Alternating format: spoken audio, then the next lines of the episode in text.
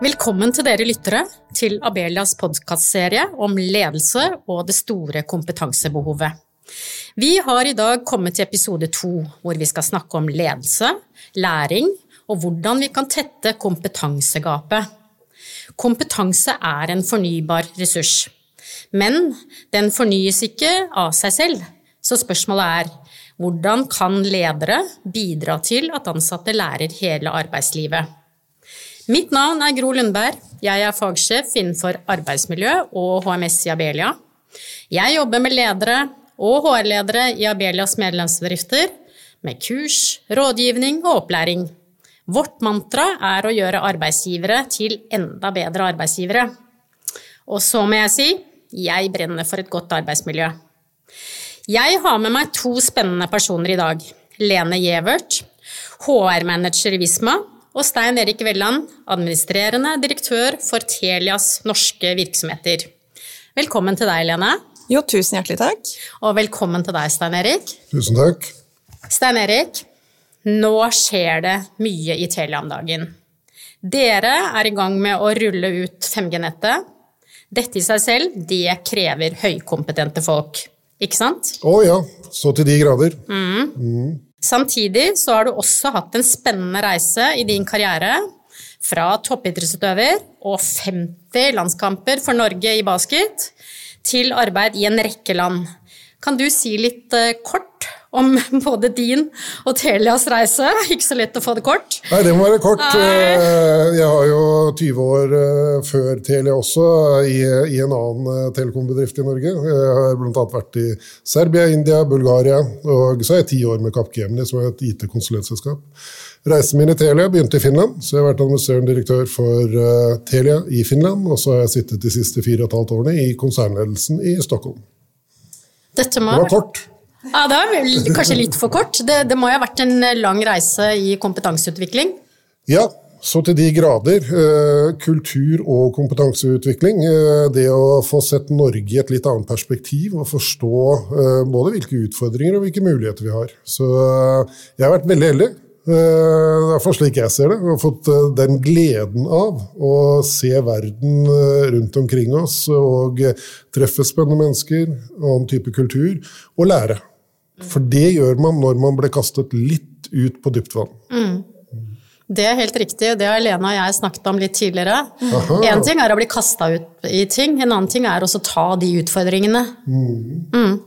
Ja, og det er nok en litt sånn eh, drivkraft i en selv, så, som, uh, man bl.a. må finne den litt sånn trygge plattformen. Og, og, det er nok en av de tingene sånn ut fra et ledelsesperspektiv jeg tror er ekstremt viktig.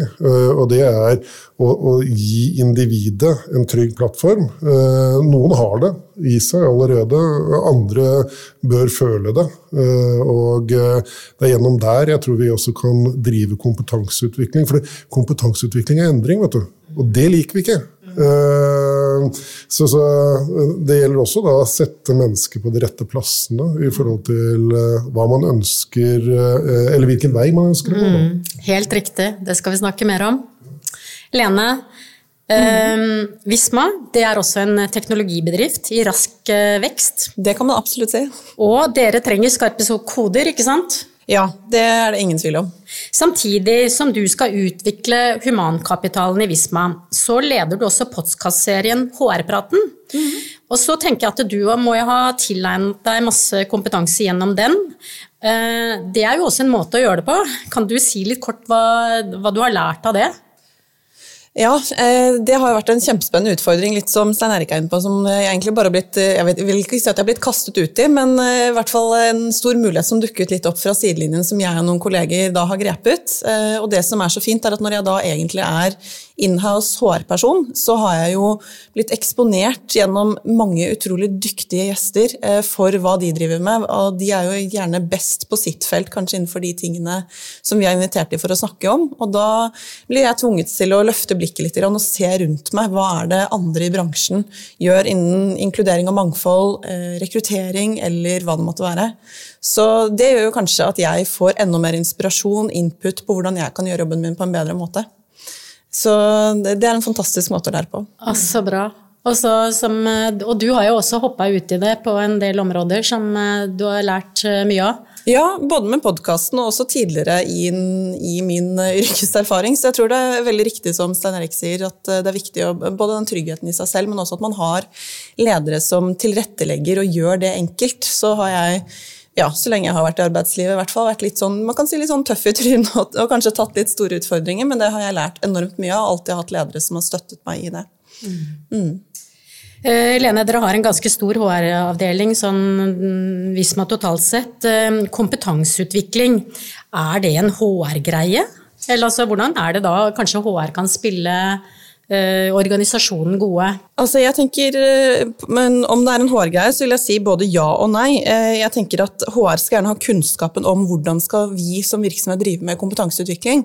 Men hvis en HR-avdeling skal sitte på, på, et eget lite rom og jobbe med det på egen hånd, så tror jeg man ganske fort feiler. For jeg tror at eh, kompetansestrategien til enhver virksomhet må være forankret i virksomhetens strategi. Altså hvor er det vi som virksomhet skal være om noen år? Hva er det vi trenger for å komme dit? Og så er HR nødt til å jobbe med ledergruppen og ledelsen på alle nivåer og involvere ansatte eh, for å faktisk utvikle de riktige kompetansetiltakene. Så HR må drive arbeidet veldig gjerne, eh, men HR kan ikke sitte alene med det. Det er liksom det korte svaret. det må forankres eh, på toppen, Stein Erik? Ja, ja, både det, men jeg er veldig enig i akkurat det at dette er ikke en HR-oppgave alene. Da har du ingen mulighet til å lykkes i det hele tatt. Dette er en oppgave som hele organisasjonen må ta. Ja, man må gjerne si at liksom du skal begynne fra toppen. Jeg tror at du må begynne i kulturen. Mm. Rett og slett å ha en kultur som dyrker frem det at uh, vi må uh, hele tiden utvikle oss. du nevnte innledningsvis dette med, med 5G og, utrullingen som, vi gjør i Norge.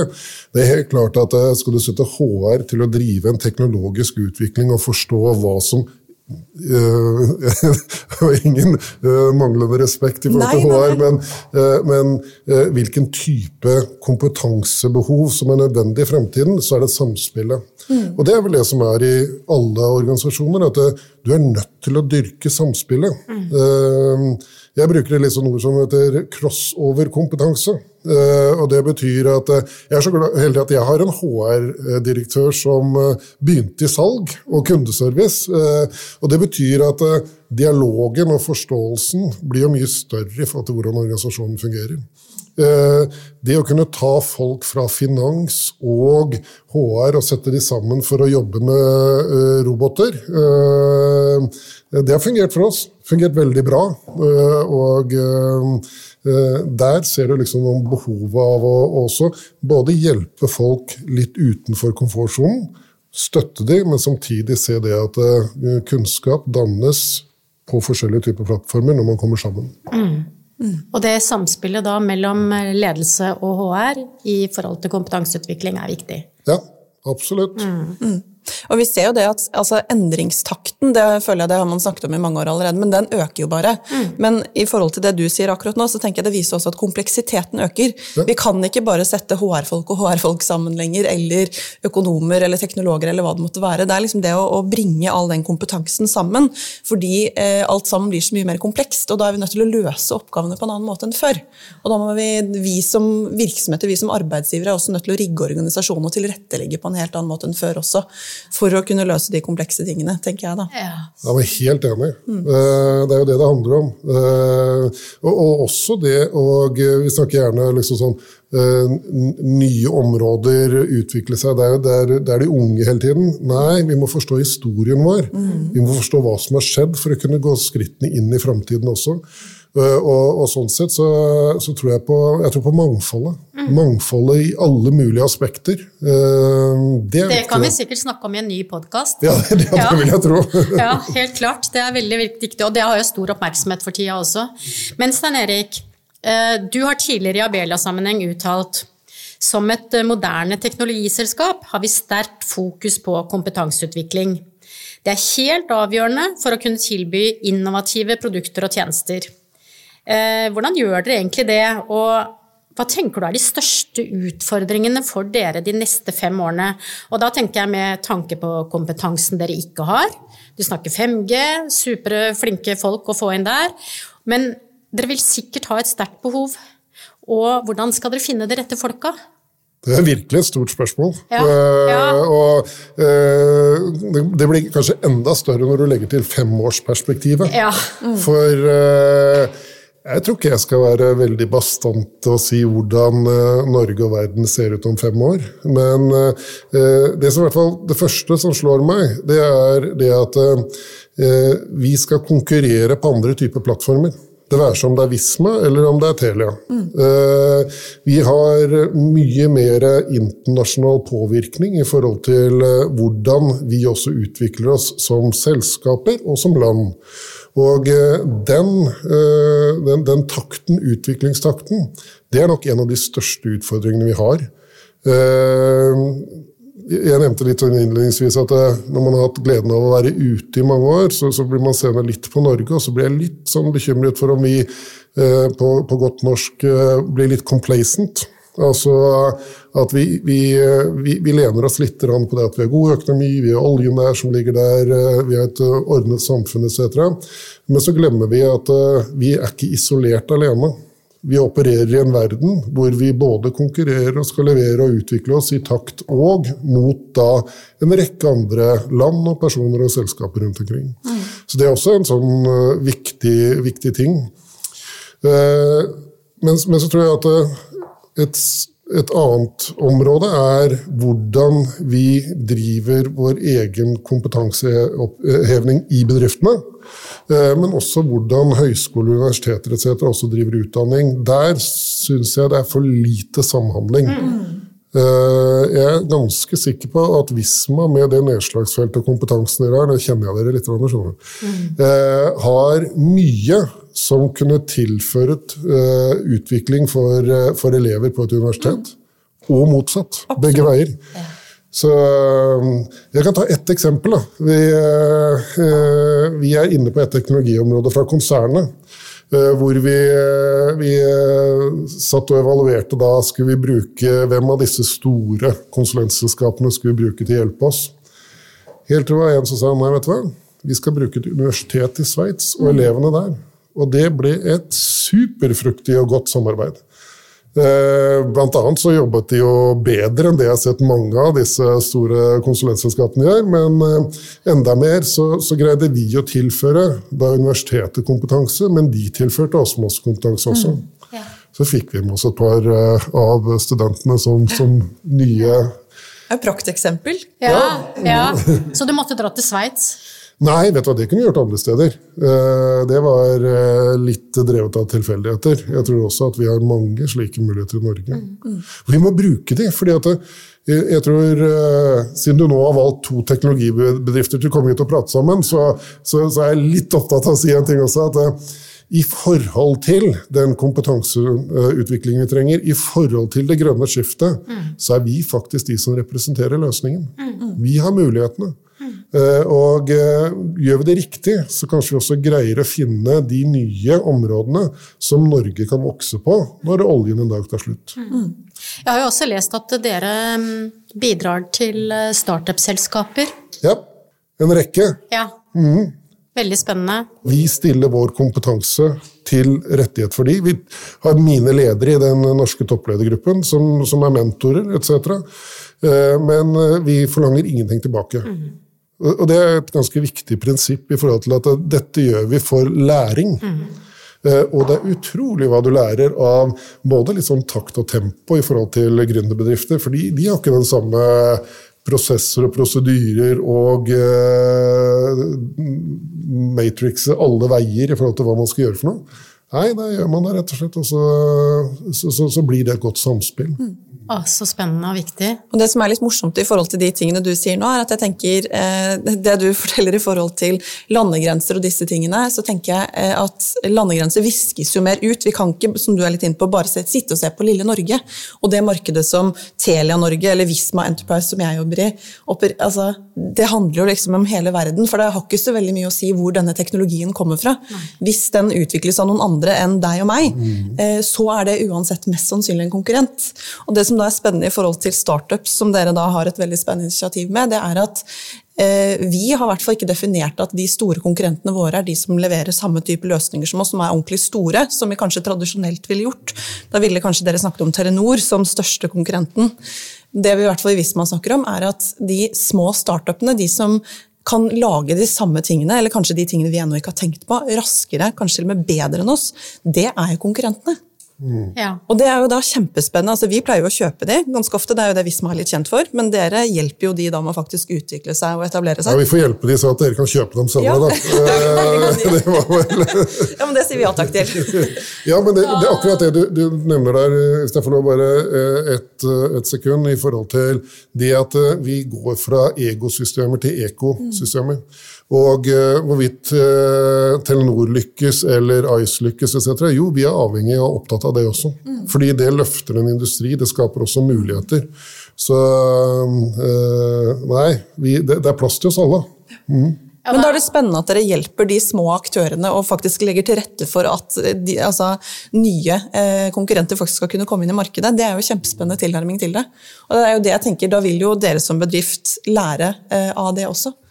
Da er vi inne på dette med delingskultur og, mm. og, og læring. Og uh, Lene, uh, læring in-house på arbeidsplassen, det er jo også kompetanseutvikling, ikke sant? Ja. Det å legge til rette for utvikling mellom ansatte, etablere en delingskultur. Stein Erik var jo også inne på dette med kultur tidligere. Ehm, det er superviktig, men eh, kan du si litt om eh, hvordan dere gjør det i Visma? Altså det kontra det med delingskultur, etablere delingskultur, og det med kompetanseutvikling. Og da tenker jeg på eh, den formelle kompetanseutviklingen, eksterne, gå på kurs, mm. skoler osv. Ja. Eh, det er nok litt forskjell, altså Visma består av mange selskaper, så det selskapet jeg jobber i, hvert fall, der er vi nå i gang med å, å se på en kompetansestrategi. Eh, hvor vi nå har definert hvilke kompetanser er det vi nå i hvert fall ser. altså Helt enig i det Stein Erik sa tidligere, at det er vanskelig å si hvor skal vi være om fem år. Men vi har i hvert fall etablert eller liksom definert noen kompetanser som vi vet at vi trenger fra fremtiden, ut fra hva vi ser, hvordan utvikler vi oss nå. Og så tror jeg det fremtidsbildet hele tiden vil endre seg. Men da har vi i hvert fall sammen som organisasjon definert disse kompetansene. Og så er vi nå i gang med å definere ok, men hva er det vi som organisasjon trenger å gjøre av konkrete tiltak for å utvikle ansattes kompetanse på det. Og det vil jo være en miks av eh, sånne tradisjonelle la oss dra på kurs sammen eller hente inn en ekstern konsulent som kan holde et foredrag om dette type ting. Men så vil det jo også være disse tingene som vi har vært mer innpå av uformelle kompetanseutviklingstiltak som at eh, jobbrotasjon, at man kobler ulike kompetanser sammen og den type ting, og rett og slett jobbe sammen på en litt annen måte. Mm. Eh, så jeg tror man er nødt til å finne flere veier til rom, men jeg tror i hvert fall den tiden hvor vi bare går på kurs et par ganger i året, den i hvert fall er over. At mye mer av læringen er nødt til å skje på jobb og i den rollen du er i.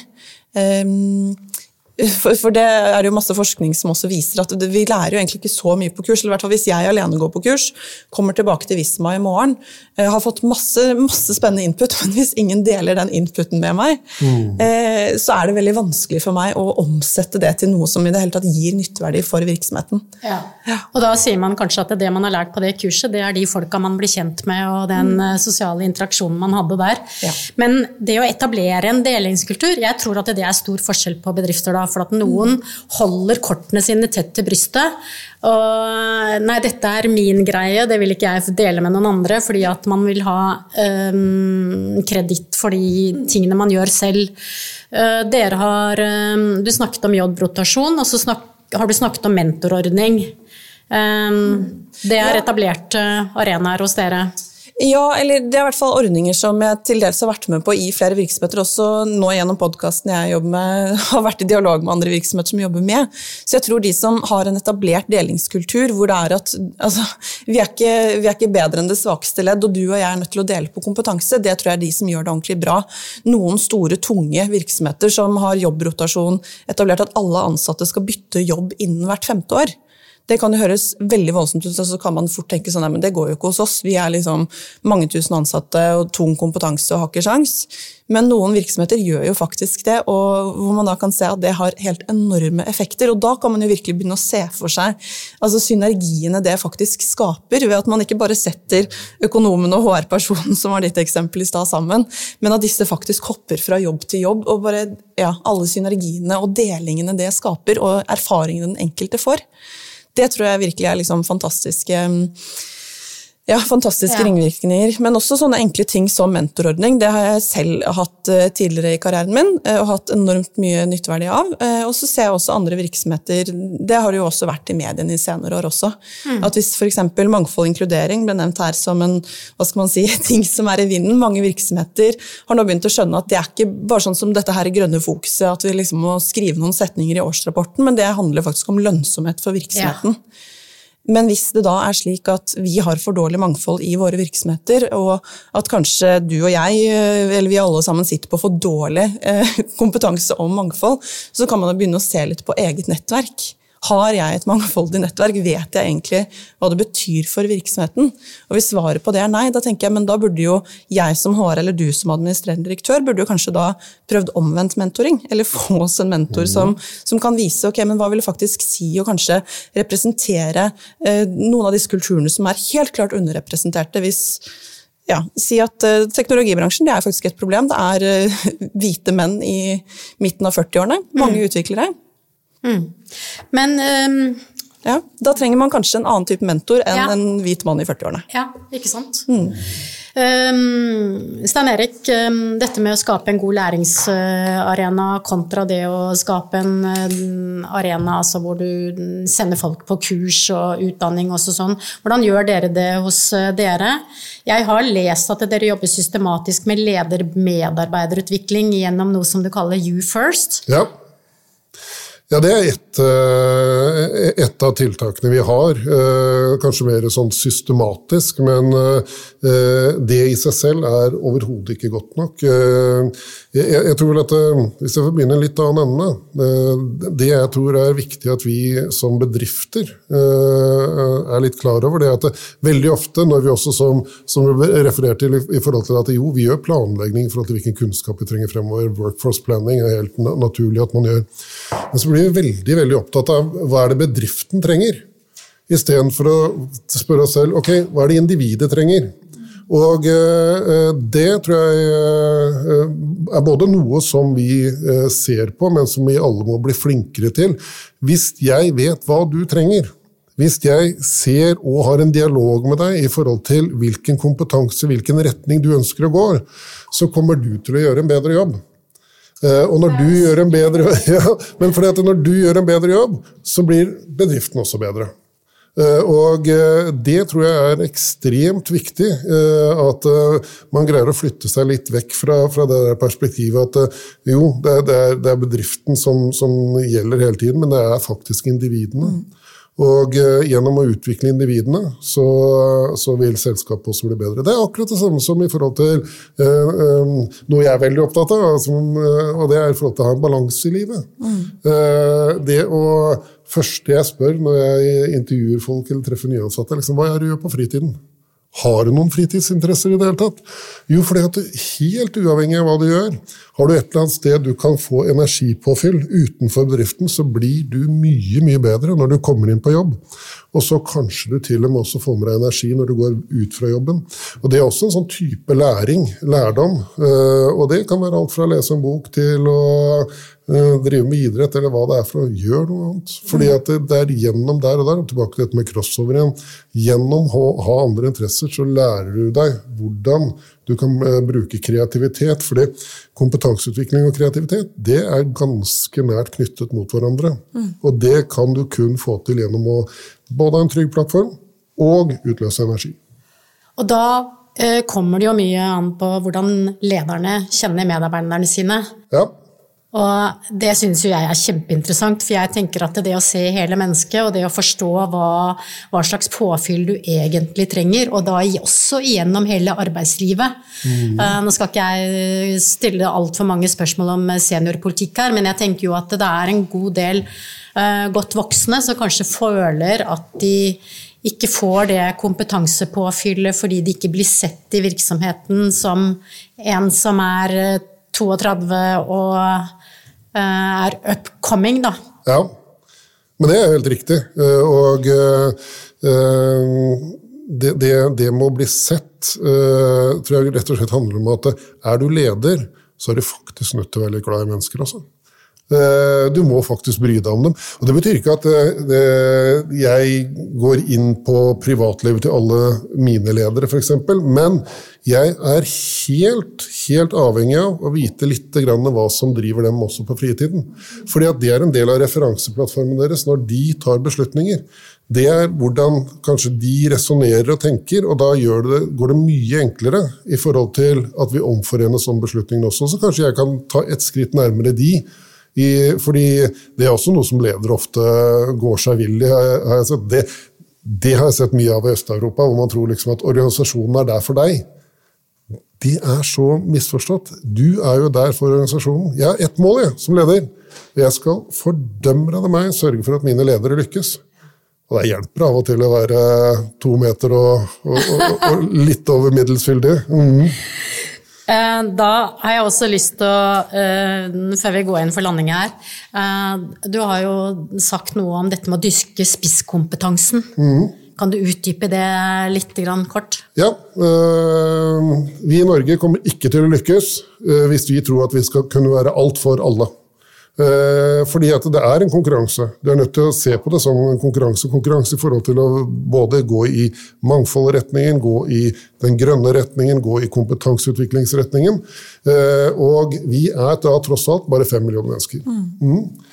Eh, det betyr at vi må finne våre enkeltområder. Det her sa jeg faktisk til Erna Solberg også i, i fjor i en debatt. Vi må bruke det faktum at det offentlige investerer milliarder men da må man også sette krav til hvilken kompetanseoverføring som skal skje fra de bedriftene som kommer, internasjonale bedrifter som kommer og tar den type kontrakter fordi de har best kompetanse.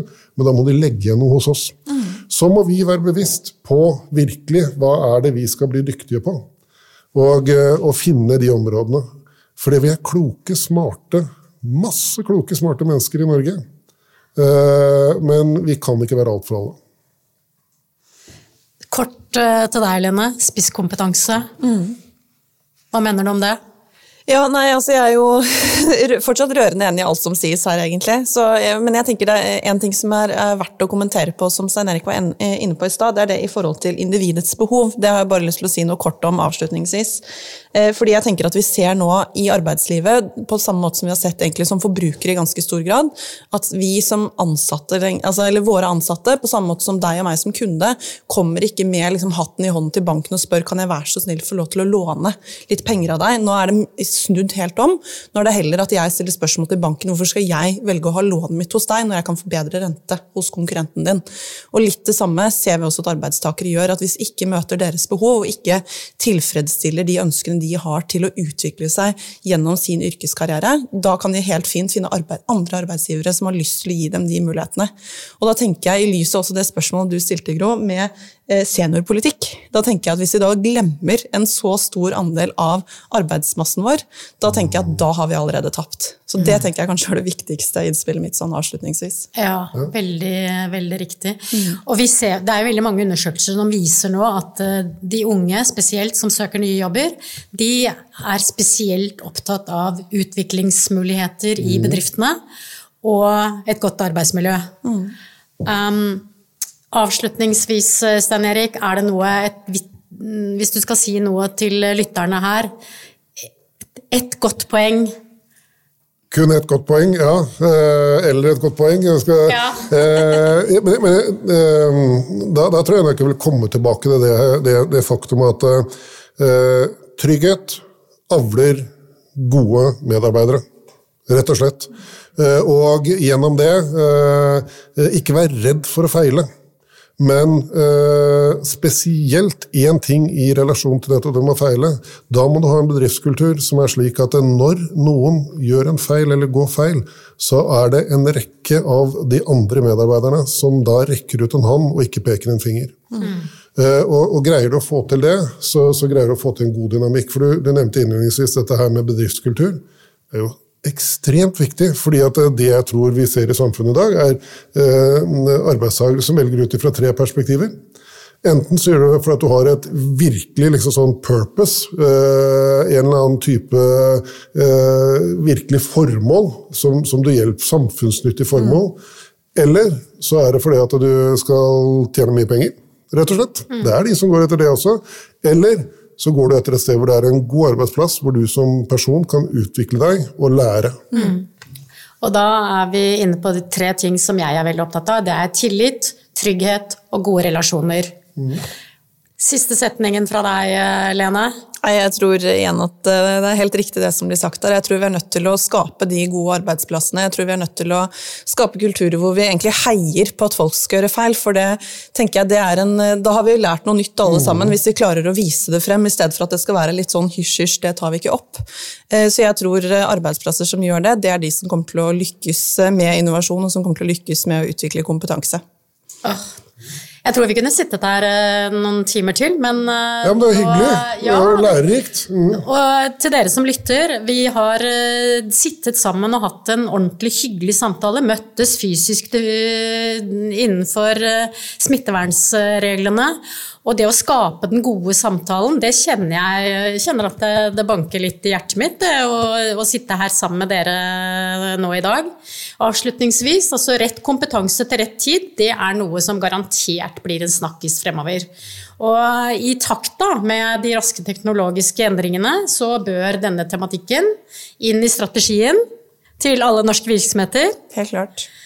Jeg vil takke dere for all den kompetansen jeg har hentet av dere i denne samtalen. Tusen takk for at dere var med. Tusen takk for at vi fikk komme. Hjertelig takk for det. Mm. Takk for da.